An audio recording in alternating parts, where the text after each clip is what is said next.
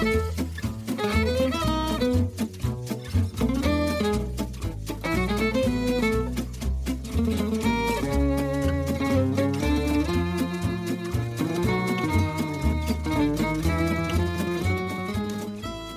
til en ny episode av Musett, procycling.no sin sykkelpodkast. Eh, julaften nærmer seg med eh, stor, stormskritt.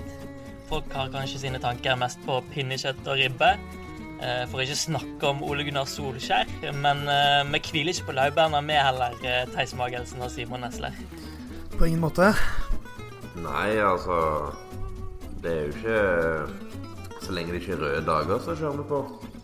Det er ikke så lenge til sykkelsesongen begynner heller nå. Nå er det jo People's Choice Classic om en liten måned bare. Og da begynner sesongen, i min verden i hvert fall. Jeg er ikke noe sånn omlopet newsprat, gammeldags fyr. Absolutt. Vi tar det vi kan få. Eh, deilig med litt, eh, litt ritt i, i januar. Eh, og sesongen, eh, ja, den nærmer seg, ja. Og sesongplaner begynner å, å bli klar. Og det som opptar nordmenn, sykkel, norske sykkelfans mest, er jo Alexander Kristoff og Fernando Gaviria, Simon. Ja, det har jo vært en sak nå ja, helt siden Gaviria ble klar, og hva det vil gjøre med, med programmet til Kristoff. Eh, og nå har han jo eh, ja, mer eller mindre spikra det. Eh, og det ser ut som det blir en del, en del hjelperytterarbeid for, eh, for Alex, både i UAE Tour og Sveits og i Tour de France. Det var vel litt som det kanskje måtte bli. Egentlig for Kaviria skulle få noe som ligna på et eh, opptrekk. Og det er han jo selvfølgelig avhengig av, i, eller nærmest avhengig av i, i de største rittene. Eh, men jeg vet ikke om det var på en måte mer enn enn folk kunne håpet på, eller mindre. Det, jeg vet ikke hva du syns, Theis? Nei, Jeg føler jo litt at Kristoff betaler nå for at UAE ikke har klart å få i stand noe, noe ordentlig opptrekk. De er, de er bare et lag nå bestående av mange kapteiner uten så veldig mange hjelperyttere. Det syns jeg man ser også med De har liksom Aru, Rui Costa, Dan Martin og ut, uten så veldig mange hjelpere. Så går litt mot samme, samme vibbene på, på spurtfronten nå, syns jeg. Så, og når de skal ha en hjelper til Gaviria, som jo er den raskeste spurteren de har, så har de jo ingen bedre mann enn Kristoff. Han jeg tror han kommer til å bli en fremragende opptrekker i Tour de France. eh, dessverre litt for, for oss som er eh, norske. Da, altså, mange snakker jo om at det var gode muligheter for å kjøre dobbeltprogram, og at Kristoff kunne få spurte her, og Gaviria kunne få spurte der. Eh, men ja, da jeg og mange andre sikkert ikke tenkte på, er jo at de er avhengig av å få kjørt inn opptrekket. Det, det krever jo en viss mengde trening for å få det til å klaffe skikkelig. Eh, og Kristoff som ja, jeg vet ikke om jeg skal erklære han eh, opptrekker ennå, men som fersk i opptrekkerrollen, eh, så er det vel kanskje ikke bare å sende begge to rett til Tour de France og satse på at det går fint. Nei, det var jo det UAE brant seg litt på i år, hvor de kjørte tre-fire forskjellige konstellasjoner foran Alex og egentlig aldri fikk drilla noe som ligna på et opptrekkslag. Og da ble det jo òg til at de kom til Tour de France egentlig uten en annen plan enn å bare henge rundt Alex til det var 500-600 meter igjen, og la han håpe at han kunne gjøre et eller annet flott derfra. Så selvfølgelig må det gjøres, eh, og det gjør jo da at Det er vel spesielt eh, Altså, Kristoff mister, mister brosteinsåpningen om å kjøre UAE-tur, og mister spurtsjanser i Sveits istedenfor å kjøre egne sjanser i Dauphiné. Det er jo det han eh, mister primært sett. Det er jo litt et, eh, litt et risikoprosjekt for UAE. Hvis de skal liksom, for de to viktigste rittene for UAE er jo UAE-tour og Tour de France. Da er det de to, og da har de egentlig bare Sveits rundt hvor de kan ha råd til å, å bomme litt. For de må da levere helt fra starten i UAE-tour. Og det er ikke gitt at de kommer til å klare det som nye lagkamerater. Nei, absolutt ikke. Det er jo selvfølgelig Du, du må jo kjøre deg inn, og det er jo så ekstremt stor forskjell på det å Altså, du kan jo trene opptrekk så mye du vil på Holdt på å si på treningsleir, men det er jo noe annet når du har fem andre lag som skal prøve å gjøre akkurat det samme opptrekket. Så det er vanskelig å komme i den konkurransesituasjonen sjøl uten å være i ritt. Og det, det er det jo ikke sammen før i UAE Tour. Og så da får en jo bare se hvordan det blir, egentlig. Mm. Um, kan jo ja, Man kan kanskje kikke litt på, på Kristoff sin, uh, sin sesongplan. Uh, de har jo hatt en ganske uh, Ja, tidligere så har det jo vært ganske fastsatt og bestemt sikker plan. nå er det litt usikkerhet med tanke på oppkjøringa til VM, da blant annet om de skal kjøre Vuelta eller, eller Tyskland. Deutschland Tour. Mm.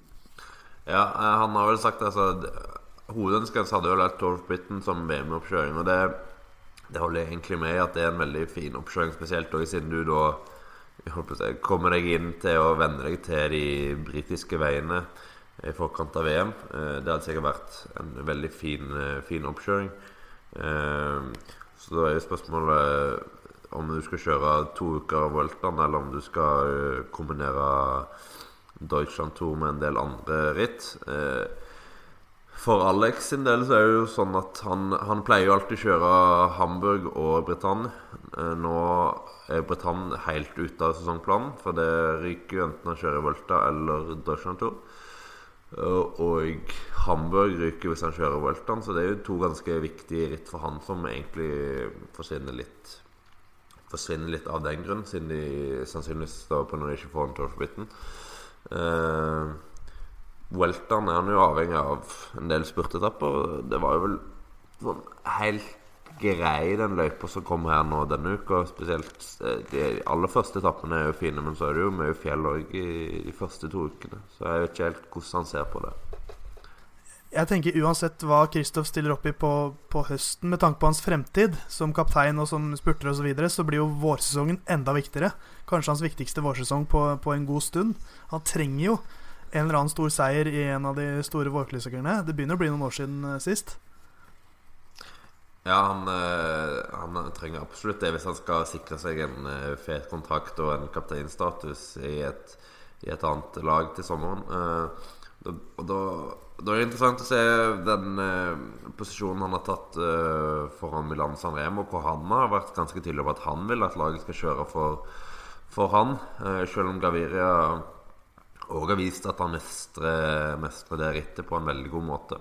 Men nå har jo selvfølgelig Alex kan jo slå i bordet med å si at eh, jeg har vunnet her før. Jeg har vunnet den spurten eh, et par ganger òg fra hovedfeltet, så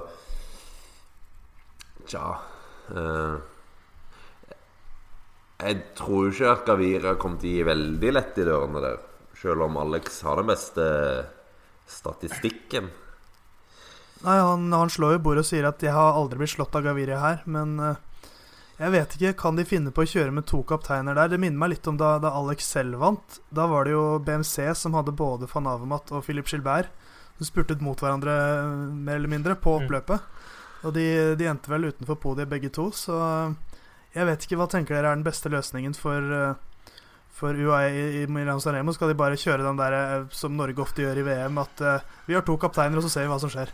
Jeg tipper, tipper, det er den de kommer til å, til å gå for. Gå for. Uh, uh, UAE har jo vært på samling nå uh, i Tarragona i Spania. Uh, TV 2 har vært der, og andre sykkelmedier. Vi merker liksom at Gaviria og sånn jobber litt med virker liksom, Det er litt sånn tidlig og forsiktig forsøk på brannslokking. Gaviria sier liksom at er det Alt er veldig avslappa, vi tar det litt som det kommer, og vi har et godt forhold og, og sånt. Og så merker du at Kristoff, litt sånn murring, sier at uh, han føler, tror det blir kjedelig å være opptrekker i Tour de France, og han slår litt i bordet og sier han, han vil være kaptein i, i Milano San Remo. Uh, jeg syns det stinker konflikt lang vei her. Uh, og Theis, du har jo lov å slå litt i bordet, så nå må du uh, klinke til med noen kraftige spådommer her. Jeg er jo uforutsigbar en løs kanon, så det er nettopp det jeg ikke kommer til å gjøre, Knut. For jeg syns uh, Jeg syns ikke Christos sin aggresjon virker retta mot Gaviria. Nei Jeg syns han virker så ganske, ganske ærlig og sier at Gaviria er en kul, og kul fyr, og vi har ikke noe dårlige vibes, men jeg skal være kaptein i San Remo, så kan jeg hjelpe deg der. Men, jeg, jeg, jeg syns mer aggresjonen hans går mot, mot ledelsen. Jeg tror, jeg tror, ikke Kristoff er fornøyd med, med, måten han har blitt behandlet på. Uh, nærmest gått bak ryggen hans. Det er det vel ingen tvil om. Men eh, hvis det ender opp med at de to spurte mot hverandre på Via Roma i San Remo, så blir det jo en konflikt mellom de to òg. Kanskje vi får en eh, reprise fra Doha, bare at Edvald Boasson Hagen er byttet ut med Fernando Gaviria? Ja, mulig det. Mulig det. Altså Uansett, for Milan San Remo så regner jeg jo med at eh, begge to er beskytta fram til du kommer til Poggio uansett. Og så må du til en viss grad legge slagplan derfra. Eh, og For Alex sin del så kan det jo funke fint å, å dra en langspurt eh, fra si 300 meter, og så sitter Gavira på hjul. Uh, så Sånn sett så kan det jo være at han da blir en opptrekker, men det er vel den beste løsningen, sånn jeg ser det, når du kommer ned der hvis begge to er der. For å holde på å drive spurta spurte hver for seg er jo i hvert fall en dårlig plan. Mm. Altså, det er jo to, nå er det to store haner der, men jeg, jeg tror ikke vi får en ny sånn Bohani, eh, Demar, Greipel, Cavendish-konflikt. Jeg, jeg, kan ikke se for meg at Gaviria og Kristoff er typene til å ha, ha, så mye drama og intriger. Men det er klart, det er to store egoer. De er spurtere, de er litt gærne i huet begge to. Så hvem vet? Det er i hvert fall en kilde til konflikt. Det er det.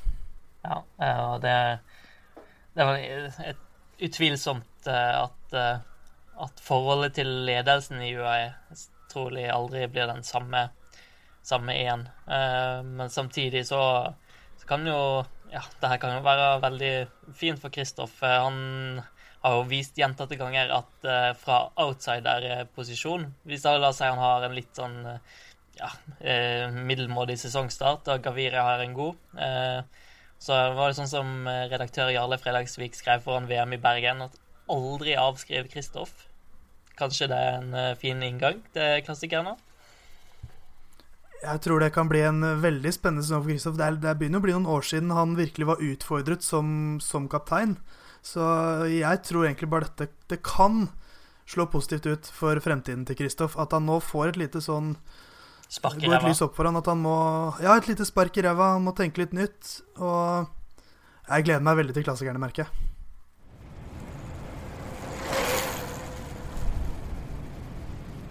Som vi nevnte i vår eh, forrige pod, eh, der vi snakka om eh, Team Sky og Jumbo Visma, så var det Ja, Fart var Ert skulle til Jumbo Visma på et eller annet tidspunkt, og nå er det endelig klart at det blir fra og med starten av mars. Da rekker han akkurat omløp het Newsblad. Og det betyr at vi har fått, fått duellen vi ønska, Theis. Ja, takk Gud for det. Eh, det måtte jo skje. Eh, vi regnet vel med at, at van Ert kom til å bli, bli å se i, i World Tour neste år. Så, så fikk vi også bekreftelsen om at eh, Corendon Circus tar steget opp til pro conti-nivå. Blir et nytt eh, belgisk pro conti-lag. Og da betyr det jo at Mathieu van der Poel skal sykle en del klassikere. Så han har jo offentliggjort sitt eh, vårprogram. Wout van Ert sitt vet vi ikke enda, men i og med at han sykler på, på et World Tour-lag fra 1.3, så vil jeg tro at han kommer til å sykle de aller fleste av de store klassikerne. Og da får vi de to største cyclocross-stjernene de siste ja, tre-fire årene til, eh, til, landeveien. Og det merker jeg at det er noe av det jeg gleder meg aller mest til i, i 2019, er Mathieu van og Wat van Ert. Ja, det er en veldig, veldig spennende duo. Eh, vi har jo allerede sett van Ert nå i, i klassikerne i, i år, og han gjorde en veldig imponerende figur der etter å ha måte, ja, tatt det steget opp eh, så raskt. Så se hva van der Poel kan gjøre nå. Han har jo glimtvis eh, vist eh, på landeveien de siste par åra, hvor han tar en liten visitt, at han har et veldig bra nivå der. Sannsynligvis ja, om ikke bedre enn en van Ert, så i hvert fall på relativt likt nivå. Så han òg kan jo gjør det veldig veldig bra i, de, i klassikerne allerede nå eh, til våren. Men eh, jeg vet ikke helt hvem av de som kommer til å gjøre det best. Det er jo, det er jo kanskje den store duellen oppi, oppi det hele mellom de to. Ja, vi fikk jo sett uh, van Ert i, i klassikerne i år. Uh, og det var veldig tydelig at han har uh, stor kapasitet, men han virker liksom som han mangler det det siste Eller han mangler åpenbart det siste, siste kicket for å kunne kjempe om, om seier. Uh, jeg tenker det er litt interessant å se på det med tanke på at de kjører hele cyclocross-sesongen gjennom vinteren. Da. Om de liksom har tid til å spisse formen spesifikt inn mot brosteinsklassikerne. Nok til at de kan kjempe om, om seieren. Nei, Det blir jo vanskelig å dele fokuset på, på den måten. Hva var det? Han ble vel nummer tre i Strade Bianche. Det var kanskje det beste resultatet til, til Wat van Ert i, i, år. Men han ble vel nummer ni i Flandern og 13 i Paris-Roubais. Så det, det, er jo absolutt brukbart for en som sykler de rittene for første gang. Uh, så det er jo et enormt talent der. Men, uh, men som du sier, Knut å, fokusere på, på cyclocross. Fat van Eit utvilsomt uh, lysten på å vinne sitt fjerde strake VM på rad. Mathieu van der Poel er nok veldig lysten på å ta tilbake regnbuetrøya. Um, så får vi se hvor uh, de, de, kommer nok ikke til å sykle så mange ritt gjennom sommeren, uh, vil jeg tro, men, men, at de kan holde det gående utover, utover, våren en stund, det tror jeg. Så får vi se om det, det kanskje er den det, det, det, fokuset på cyclocross som begynner at det ikke stikker av med noen seire. Men, eh, men jeg syns jo det at når man blir nummer tre i Strade Bianche, når du blir nummer ni i Flandern rundt, så, så er du ikke så langt unna seier. Det, det tyder vel på at det, kan la, at det kan være mulig å kombinere med cyclocross-satsing også. Eh, så får vi se hva de velger å gjøre de årene som kommer. Om det da blir litt mindre cyclocross og mer landevei, det, det håper kanskje jeg. Jeg tenker jo at når han har signert for uh, Jumbo og Visma nå, at det er naturlig at de krever at han uh, fokusere mer på landeveien. Jeg vet ikke hva du tenker, Simon? Ja, det, det, ligger vel sikkert litt føringer på det. Eh, regner med Van der Poel kjører vel uh, Kjører vel uh, mye terreng fram til i hvert fall OL. Uh, så tar vel kanskje han steget litt mer fullt ut på landevei. når det gjelder altså, hva de kan gjøre, så jeg syns jo sånn van Ert i, fjor, i år det virka det mangla litt det siste kicket på den siste timen. Det kan jo selvfølgelig ha litt med at de er vant til å kjøre rimelig intense konkurranser i cyclocross. Eh, men både når jeg har sett eh, van Ert og van der Poel på landeveien før, så er jo har jo blitt merke med at de har et, en ek, ekstrem attraksjon til, eh, som regel i finalen. Og de har avgjort mange litt mindre ritt der. Jeg er spent på om, på om det er kapasiteten det går på, så at de ikke helt har det nivået inne, eller har hatt det nivået inne i, de største rittene, fra Nart i hvert fall. Uh, men ja, det skal bli veldig, veldig spennende å følge med på det. Litt det du nevner der, Simon. fordi vi har jo ikke sett van der Poel og van Ert så mye de, mot hverandre på landeveien. Men i år syklet de jo EM, begge to. Og det er et langt ritt, og det var et ganske tøft ritt uh, i år også. Uh, og de satt jo med til finalen begge to, i duell mot uh, Matteo Trentin. Begge to stolte på sin spurt. Trentin tok jo, tok jo, seieren foran van der Poel og van Ert. Men da sto de distansen veldig godt. så merker jeg at jeg er også spent på, på styrkeforholdet mellom de to. Det er jo, Vi har sett veldig mange dueller mellom dem på, på de siste årene, og nå får vi dem på, på landeveien òg, men da tror jeg ikke de to kommer til å være like suverene. Det har jeg vanskelig for å se.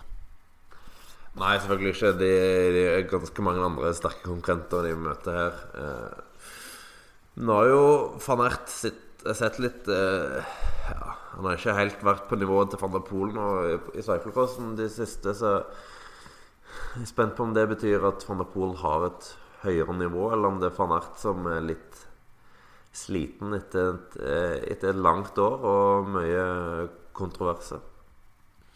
Ja, det er jo det som er eh, Jeg sitter veldig og tenker på det selv òg. Jeg så litt på statistikken til de to uh, i cyclosesongen så langt. Uh, Van der Poel har vunnet 15 av 17 ritt han har stilt opp i denne sesongen. Uh, Van Ert har vunnet ett ritt. Han har slått uh, Van der Poel de to gangene Van der Poel ikke vant. Det var i Koppenberg-cross hvor van der Poel så helt bleik ut, og i, i Rapen-cross hvor uh, van der Poel ikke fullførte. Så um, på, på cyclocross-arenaen så er van der Poel vært den beste de siste årene. Um, men så er jeg litt spent på hva som, hva som, skjer når de kommer på landeveien. Det er jo litt andre kvaliteter. Uh, de er vant til å sykle en time ca. Nå skal de sykle fire, fem, seks timer. Um, så jeg vet ikke helt. Hvem tror dere har, eh, har, det, har mest å komme med på, på, landeveien? Det er veldig vanskelig å si, altså. Eh, som, som, du sier, så har de vært eh, ja, Selv om van der Poel har vunnet mest, så har de jo vært for så vidt veldig jevne. De har vært de, som, de to klart beste slagcross-rytterne. Og jeg syns begge to har en figur som passer Brostein, eh, kanskje spesielt i Paris-Roubais, veldig godt. Eh, og begge to har vist eh, at de har god kapasitet. Eh, de har et bra kick i cyclocross. Og begge to er veldig gode teknisk. Altså det, det, er veldig vanskelig å, å, skille de fra hverandre, egentlig. Så det er nesten litt å bare kaste, ja, kaste en lapp i lufta ja, et eller annet. Bare velge en det som jo taler for, eh, det som taler for Fanert, er jo laget hans. Hvis vi ser på Corendon Sirkus, det er et lag som har tatt steget opp til eh, Pro Conti kun for at uh, van der Poel egentlig skal få, skal få kjøre klassikerne. De har, de har Steiner Folder. Han har jo vunnet Flandern to ganger, men det er noen år siden. Uh, så har de liksom Lasse Normann Hansen, Roy Jans Det er ikke, det er ikke den samme klassikerarmadaen som Lotto Nei, som Jumbo Visma har å vise, vise til neste år. Det er det ikke. Men jeg ser òg for meg at van Dappol klarer seg helt fint alene. ja, det er, det er nettopp det. Han er jo et unikum og et, et av de mest spennende talentene i sykkelsporten. Han har en råskap som van Ert kanskje ikke helt har, men så, så er jo også van Ert litt mer seriøs i landeveissatsinga si, så det er liksom Det er så mye som taler for begge to. Så det er, det, det er Man hører jo at dette blir spennende. Ja. Van der Pool blir mitt tips. Ja, har en li, liten knapp på han, men uh jeg er jo svak for en evig toer, da, så van Ert, you my man.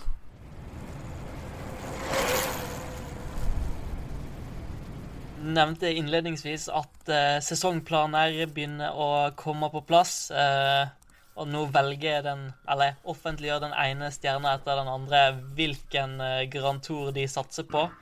Jeg husker ikke hvem som var først, men Dumoulin skal til Giroen. Nibali skal til Giroen. Roglic skal til Giroen. Og en bunke med Simon andre. Yates. Simon Yates. Det blir eh, det Simon ligger, og Ligger an til en Landa hel... Valverde. Fabiaru og ikke minst Bauke Mollema. ikke minst Bauke Mollema. Ja, det var nesten litt frekt å ikke starte med Bauke. Alltid starte med Bauke, Knut. Jeg vet det. Nei, men det ligger an til en uh, herlig affære i Italia i mai. Ja, det er det ikke tvil om. Eh, det er rett og slett et eldorado av stjerner de har sikra seg. Eh, det er vel kanskje, om det er pga. løypa, at, at den tiltrekker mer for Dumoulin og Roglic, kanskje spesielt, enn en Tour de France. Men det blir blir et en rysere, som de sier. Mm. Ja, det er jo eh, vi, vi, må ikke glemme Miguel Ángel Lopez også. Han skal også være, være med deg for Astana. Eh, er det nesten bare franskmenn og Team Sky som bryr seg om Tour de France nå, eller skjønner de, at, skjønner de andre lagene at de klarer ikke å slå Team Sky i Tour de France, så da prøver vi heller å vinne en Grand Tour, og så ser vi hva vi får til i Tour de France? Er det det som har skjedd nå? Det er jo ikke så veldig lang tid fra sannheten. Eh, det handler jo selvfølgelig om at laget må jo se an hvor, eh, hvor deres ryttere passer best. Men jeg føler jo giroen er i ferd med å øke litt i prestisje. Og at det gjør at flere syns det er lettere å prioritere det overfor, overfor andre Eller overfor Tour de France. Og så ser du jo altså av de som Av de som er nå har meldt sin ankomst, så har jo laget òg stort sett andre sammenlagtryttere. F.eks. Uh, Astana sender Lopez her, og så har de Fuglesang som kaptein i, i Tour de France. Movistar sender Landa og Valverde, og har Quintana og Landa i Tour de France. Og, uh, Mollema er her for trekk, og de har på til Tour de France. Og, uh, så det er vel Laget er vel kanskje òg flinkere til å utnytte sine samlekapteiner til å fordele litt utover. Det er kanskje det òg. Eh, men det, ble i hvert fall, det er iallfall en av de sterkeste startlistene jeg har sett fra giroen på mange, mange år. Ja, den er jo ikke komplett ennå. Vi har jo et lag som ikke har annonsert hvem som sendes til, til Giroen, er jo Team Sky. De har jo nok av kapteiner å ta fra, egentlig. Hvem tror dere de vil kjøre for? For da blir det jo enda en, en stor kanon som potensielt kan vinne. Har vel vært litt snakk om uh, Jerain Thomas, har ikke det? Både Thomas og Froome har luska litt, men jeg tror det blir Bernal. Ja. Det hadde vært uh, veldig gøy. Jeg, jeg, jeg, tror ikke, jeg tror Froome tar en pause nå. Han fokuserer på Tour de France. Han vil ha den femte seieren der. Uh, Geraint Thomas er sikkert lysten på å forsvare seieren. Uh, Men Thomas må jo òg kjøre seg i form igjen etter å ha lagt på seg x antall kilo i høst. Så kan, kan være Giron komme litt tidlig på. Ja. ja, kanskje Egan Bernal. Det har vært fantastisk gøy om de ga Egan Bernal uh, kapteinsbind i en av de store Grand Tourene allerede giroen. Det hadde vært rått, syns jeg. Ja, Han viste jo Tour de France at han er mer enn god nok eh, for å i hvert fall kjøre topp ti. Sannsynligvis bedre òg. Eh, så det er jo ingen klingren til å vente så lenge. Uh, nå husker jeg ikke helt hvordan det er i giroen i år, men det som taler for Bernal til Torn, er jo kanskje at det er så mange høye fjell de skal over der. Ja, jeg tipper Man kan jo òg finne på å kjøre giroen som, som kaptein og være hjelperytter i, i, Tour de France. Ha litt sånn utvalgte etapper hvor han på en måte skal være uh, den viktigste. Uh, det tror jeg skal kunne kombineres ganske greit. Selv om selv om han er ung. Så kan vi jo spekulere litt da, om uh, Sky vil vise at de har en Vise til sine nye potensielle sponsorer at de har en som kan vinne Tour de France fra 2019 og langt frem i tid, eller om de skal gå for en gammel traver som er på vei ut eh, av sykkelsporten om ikke så altfor mange år, og kanskje på helt på siste verset av sitt, eh, eh, sitt toppnivå. Det er jo klart, hvis de, hvis de, kan vise at vi kan vinne, eller vi kan gjøre det veldig bra, kanskje vinne en Grand Tour uten å bruke våre antatt to beste Grand Tour-ryttere, um, så er jo det et et, styrketegn, og ikke, ikke ueffent å dra med seg til en potensiell sponsor det. At uh, se her, vi, trenger ikke, å bruker vår tredje beste rytter, så vinner vi en Grand Tour. Det er ikke så mange lag som kan gjøre det. Så de, Det er en viktig Grand Tour for Team Sky.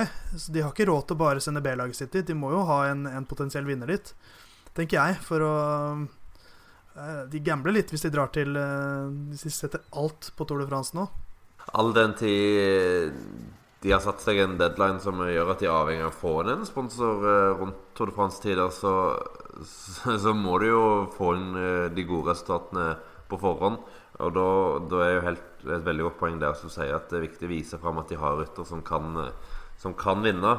For en, en del av salgspitchen til Brainsford nå er nok at eh, støtt oss med 300-400 millioner kroner, og vi vinner Tour de France for dere. Eh, men eh, når du har Chris Froome og Jen Thomas som begge ja, ikke er 23 år lenger, så er det viktig å vise at de òg har ungdom som kan gjøre det i tillegg til de to. Mm. Eh, angående forholdet Giro-Tour og at så mange velger Giroen, så er det kanskje lettere å eh, ja, legitimere en skuffelse i, i Giroen. Eh, litt mindre press. Du kan eh, ja, utfolde deg litt mer eh, mer fritt, eh, samtidig som du kan forsvare deg med at Team Sky er såpass, såpass overlegne i, i, Tour de France. Ja, selv om Team Sky vant, vant Giron i år også, men så var det jo på en helt, en helt annen måte. Giron er jo mye mindre kontrollert. og når du kommer til et mindre kontrollert ritt, så er det flere ryttere som aner en mulighet. Mange som kapteinene som drar til Tour de France, vet at ok, det eneste jeg må gjøre nå, er bare å henge med Team Sky så lenge jeg klarer. Uh, og så mm. vet de på en måte innerst inne at de kommer ikke til å være den siste som henger med der. Mens i Giron så tror jeg det er mange som drar dit og, og aner litt flere muligheter.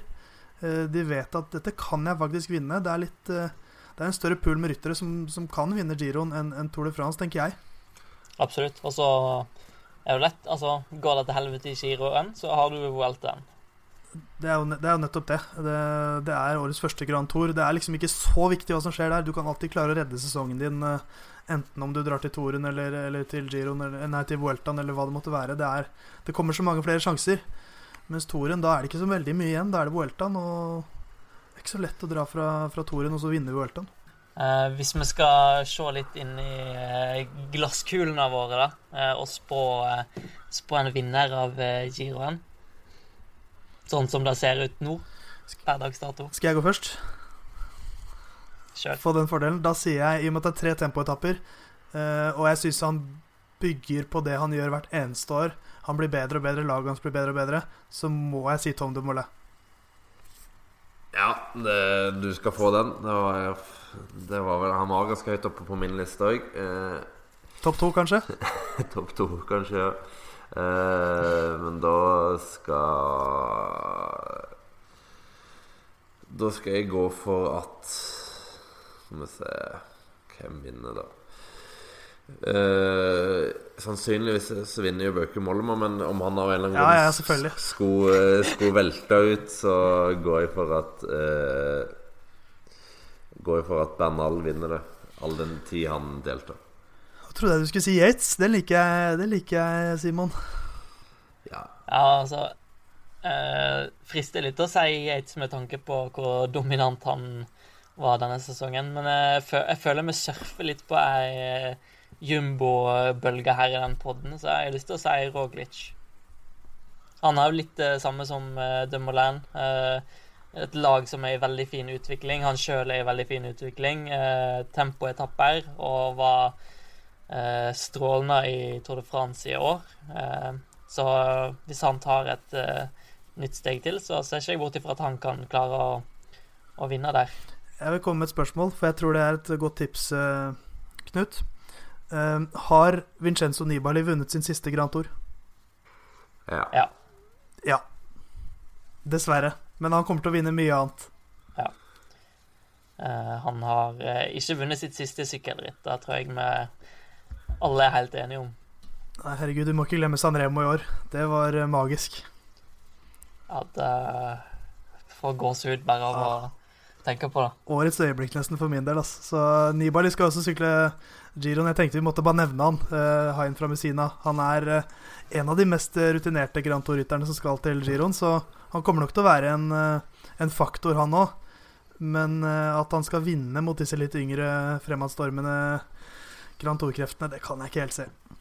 Nei, jeg tror ikke han er Han er vel ikke bedre i klatringen enn Yates, og han er vel ikke så god at han klarer å ta tre-fire minutter på, på Dumoulin til tempoene, så jeg tror det er et godt resonnement.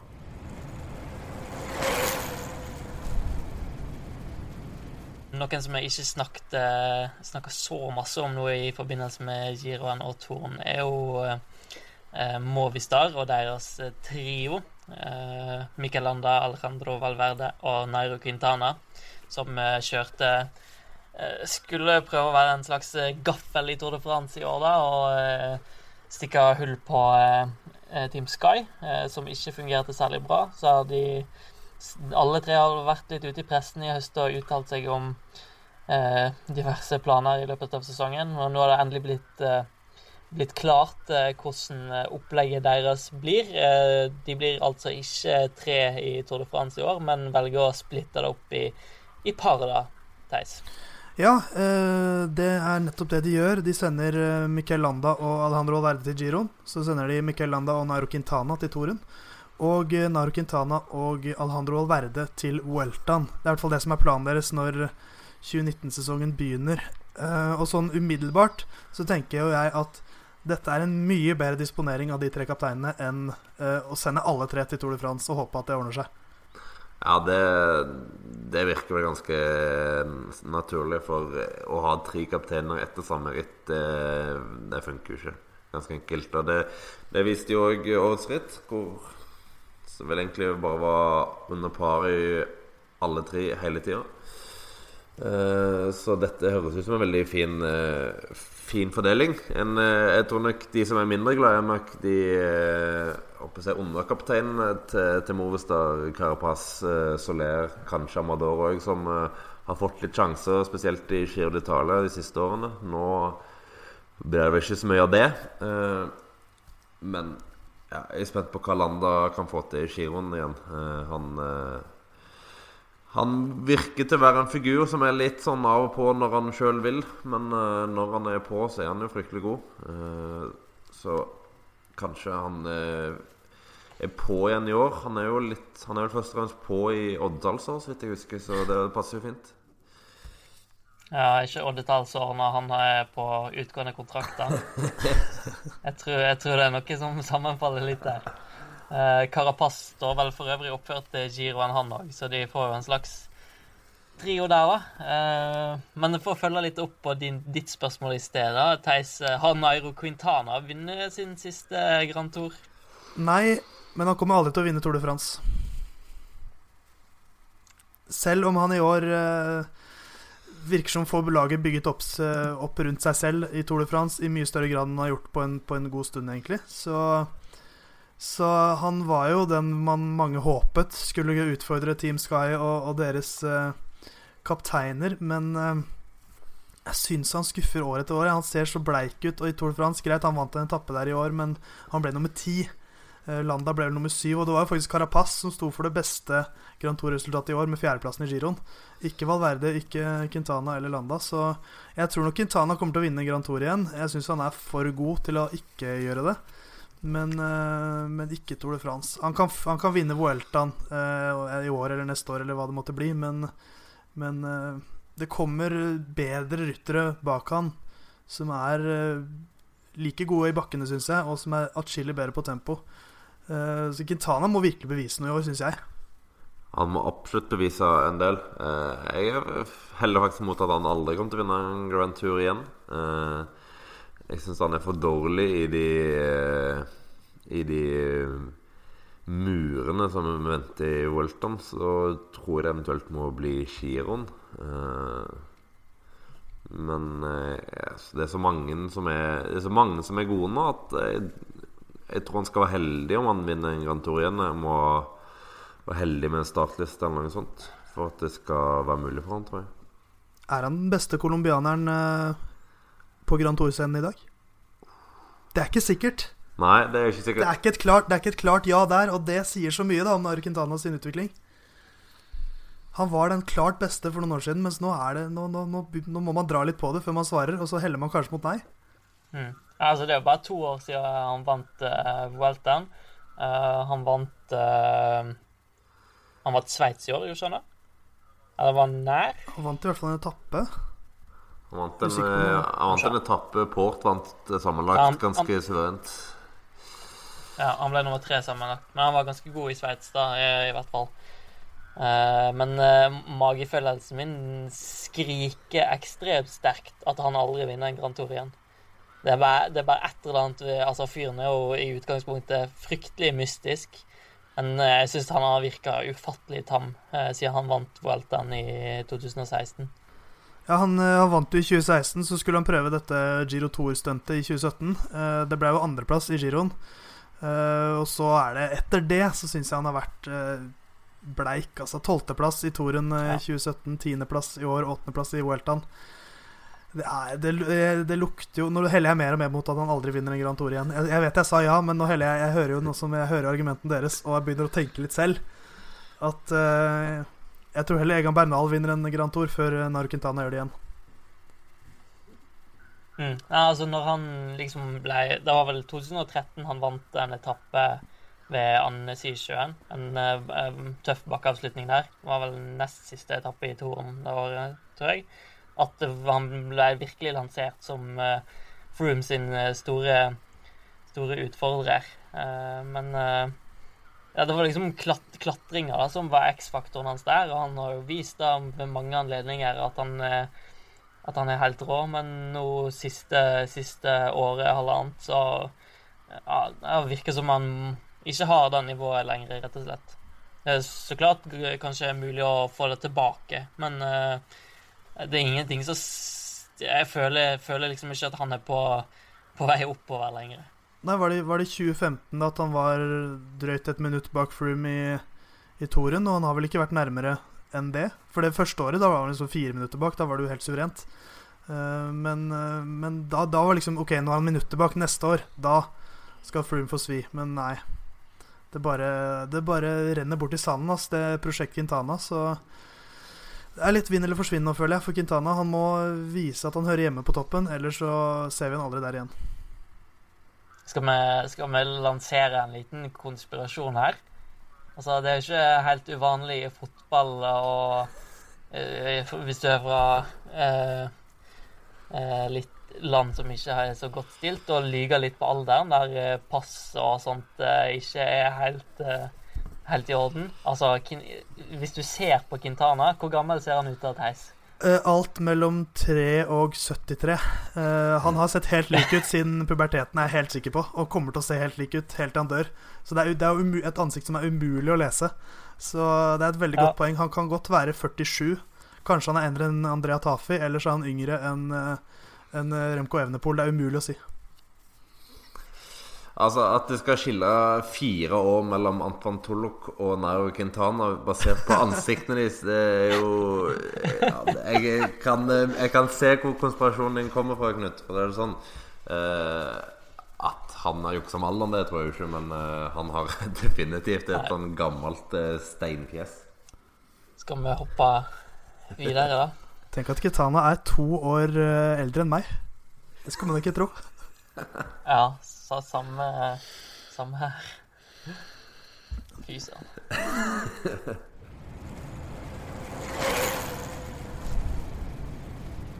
Vi fortsetter litt på Grand Tour-snakk. Eh, onsdag så ble løypa til Vuelta av Espania presentert. Eh, som jeg nevnte litt tidligere, så eh, kan Vueltaen være et alternativ for Alexander Kristoff. Simon har skrevet en eh, stor sak om årets, nei, neste års løype på procycling.no, så folk kan gå inn og lese litt mer der. Men vi kan jo snakke litt kjapt om eh, potensielle sjanser for eh, eh, dyret fra Storhaug. Store. Ekspressen fra Storhaug. Storhaugekspressen. Ja, mange, Eh, mange navn. Eh, ja, de, de starter jo ganske fint. Starter i en feriebyen Torrevieja hvor eh, x antall nordmenn har eh, leiligheter. Men eh, lagtempo, så er det en mulig spurtetappe på etappe to. Eh, til Bare Altså er, er, Da foreligger altså et potensial for folkefest her, da, med andre ord. det er Yes! Absolutt et potensial for folkefest. Og så er det fra. Jeg det fra Benidorm til Kalpe dagen etterpå. Det er jo òg midt i, midt i leia for nordmenn, det. Så, og til Alicante igjen på tredje etappe. Så jeg kommer til å krele av nordmenn på ferie, og de som har bosatt seg der litt oppi åra. Men ja, eh, andre etappe sånn i grenseland har, og så tredje og fjerde etappe, som bør være ganske bankers spurt. Så en fin åpning for, for Alex eh, sånn sett, og mulige spurtere. Vueltaen har jo ikke vært bortskjemt med spurtetapper de siste årene, akkurat. Så blir det jo egentlig rett inn i fjellet etter det. Eh, første fjellavslutning på femte etappe. En sånn uh, fin sånn halvhard sak. Sånn 10-11-12 km klatring på slutten. Men ja, det er vel sånn 7-8 når jeg vant det. Uh, og så en uh, tre sånn eh, ja, kuperte etapper som ikke kom til å gjøre noe i sammendraget, før du kommer til Andorra på, på niende etappen. En sånn eh, klassisk av de der inten, intense korte etappene. 96,6 km og fem kategoriserte 70 stigninger. Så det er jo en, eh, en type etappe vi har blitt vant til å se de siste åra. Klassisk etappe hvor eh, en ryker ut på tidslimit. Så det er jo en avveining òg Kristoff må ta opp i det. At han fort kan ryke ut etter ni etapper. For der, der starter de i fjell, og det er totalt fire flate kilometer mellom eh, det andre fjellet og før du begynner opp mot den tredje kategoriserte stigningen. Så der er det rett og slett ingen hvile å få i det hele tatt. Så det kan jo gjøre at det tar litt imot, for han skal i utgangspunktet kjøre to uker eh, av Voltan. Men så etter hviledagen eh, så er det en tempo, og så er det eh, et par kuperte etapper til på de tre neste dagene. Sannsynligvis for harde for Alex de to første. Og den tredje avsluttes opp til Los Machucos, der som eh, Stefan de Nifel vant i 2017, og, og Froome holdt på å miste sammenlagtledelsen. Det var vel dagen etterpå han eh, hadde litt for mye salbutamol i urinen sin, uten sammenligning for øvrig. Eh, Og så er det spurtetappe på, på etappe 14. eh, før det igjen er en fjelletappe på etappe 15. En ganske fin sak med fire fjell gjennom dagen. Eh, og der avslutter vi uke to, så der er sannsynligvis Alex ute. Det er litt synd, for det kommer jo tre spurtetapper i, i, i uke tre, faktisk. Det er jo uvanlig mye til å være Volta i Spania. eh, Hvor de har en litt mer balansert eh, avslutningsuke, egentlig. Først en eh, etappe 16 etter villdagen som er, avsluttes med en sånn evighetsstigning på en, ja, 25 km. På rundt 5-6 i snitt. Eh, og så en spurtetappe, altså. Og så etappen som Fabio Aru og co. knakk Tom Dumoulin- på i 20, 2015, da han mista ledertrøya der. Med ja, fire fjell og målgang nede i dalen igjen. For det som sagt igjen er en eh, mulig spurt på etappe 19. Og så er det etappe 20, hvor vi skal over eh, Pina Negra og litt sånn diverse stigninger. Men ingen superhard avslutning, så hvis du har noe å hente, så må du nok angripe tidlig. Før det altså avsluttes med ny spurter på til Madrid. Så utgangspunktet er ganske mange muligheter for Kristoff, men de, det er jo altså tre som kommer etter at han er ute av rittet. Så da er det ikke så mange muligheter. Men de to fremste kommer jo tidligere etter. Det er jo sånn en fordel, for da vet du at du, du får de. Eh, For den niende etappen er som sagt en ganske god mulighet for å ryke ut på en tidslimit her. Tror vi Det er vel bare til å trille den terningen på en sekser for den presentasjonen der, Theis. Ja, det er strålende. Det trenger nesten ikke se neste års Vuelta nå, for nå har vi på en måte fasiten i hånda. Men, øh, men det er jo en, en, en spennende løype, syns jeg. Eh, nok av sjanser for spurterne, og da også for Kristoff. Men eh, vi skal se litt på, øh, på hva det betyr for sammendrag. Det er lite tempo. En lagtempo på 18 km og en tempo på 36. Eh, mye fjellfinisher, som det jo alltid er. Eh, var det null etapper over 200 km? Ja, den lengste var 199,6, tror jeg. Ja, så en, en eksplosiv Vuelta Spania for de som er sterke i fjellavslutninger. Så en Ja. typisk Vuelta i Spania, egentlig. Ja. Har jo to, to av de der eh, murene som eh, spanjolen har blitt så fryktelig glad i òg. Eh, en på etappe syv til, til Mascosta. Mas de la Costa.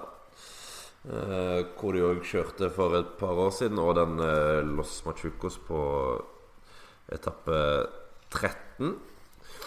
Men eh, ingen av de holdt på å si signaturfjell, og ikke noe Anglerud, ikke noe lagsted Covadonga eller eh, Eller eh, Ja, hva annet skal vi si oppi den sammenligningen der. Men i hvert fall ingen av de Ikke så mye kjente fjell, egentlig. Det er jo litt sånn Vuelta Spania har vært siste år. Ganske mye nytt hele tida. Så det kan bli spennende å se.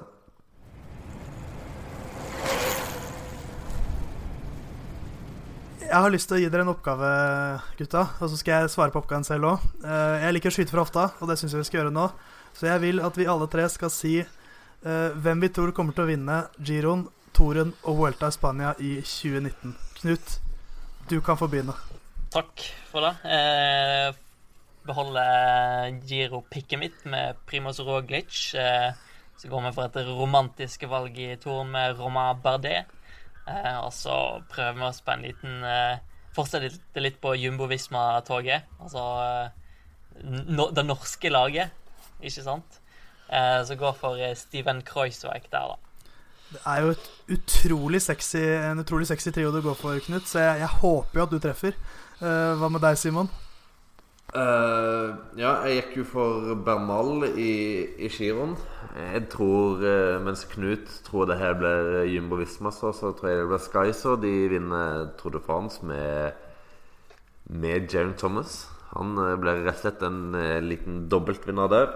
Før vi runder av med en litt sånn overraskende Vuelta-seier til, til årets Vuelta-komet, Henrik Mass. Det er eh, Er, er, det over, bare, er det overraskende at årets Vuelta 2R vinner Vuelta det påfølgende året. Det er litt overraskende. Henrik Mass. Jeg ser, jeg ser ikke på han som en Grand Tour-vinner ennå, men eh, det hadde vært veldig gøy. OK, kjør på, Theis. Ingen har Din, sagt, uh... ingen har sagt Remco Evenepool. Det kommer heller ikke jeg til å gjøre. Um, jeg kommer til å si Tom Dumoulin. Han vinner Giro d'Italia. Så er jeg traust og kjedelig og sier at Chris Froome vinner Tour de France. Og så tror jeg at årets virkelige Vuelta-komet, Simon Yates, han vinner Vuelta Spania 1 i 2019. Der har dere fasiten. Selv om eh, jeg syns Knut hadde fasiten. mest sexy valget. Takk for det. Uh, men uh, du, Theis, du har jo den mest sexy outroen til, til, i podkastverden, ikke sant? Du sikter til mitt nye slagord uh, 'ranger, last ned, abonner'. Absolutt. Det er det jeg vil at folk skal gjøre. Eh, last ned podkasten vår, hør på, ranger den gjerne på iTunes, og abonner, så får du den eh, inn i din podkast-app med en gang vi slipper en ny episode. Strålende, teis Eh, den nærmer seg jo eh, nyttår, romjul. Eh, kanskje, forhåpentligvis, trolig, så eh, kommer vi med litt snacks i, i romjula òg, ikke sant, Simon? Uten at vi skal kanskje helt røpe hva det er, men eh, så skal vi vel som vanlig garantere, kanskje? Ja, vi garanterer alltid. Så det blir en god gammel procycling.no-tradisjon i romjula. Det, det kan vi garantere. Da eh, takker vi for følget. Takk til Simon og takk til Theis. Veldig hyggelig som vanlig. Og så eh, får Theis avslutte med sine eh, korte, vakre ord. Takk, eh, Knut, først og fremst. Og så sier jeg eh, avslutningsvis ranger, last ned, abonner. Ja, den er sylfrekk, den her. Eh.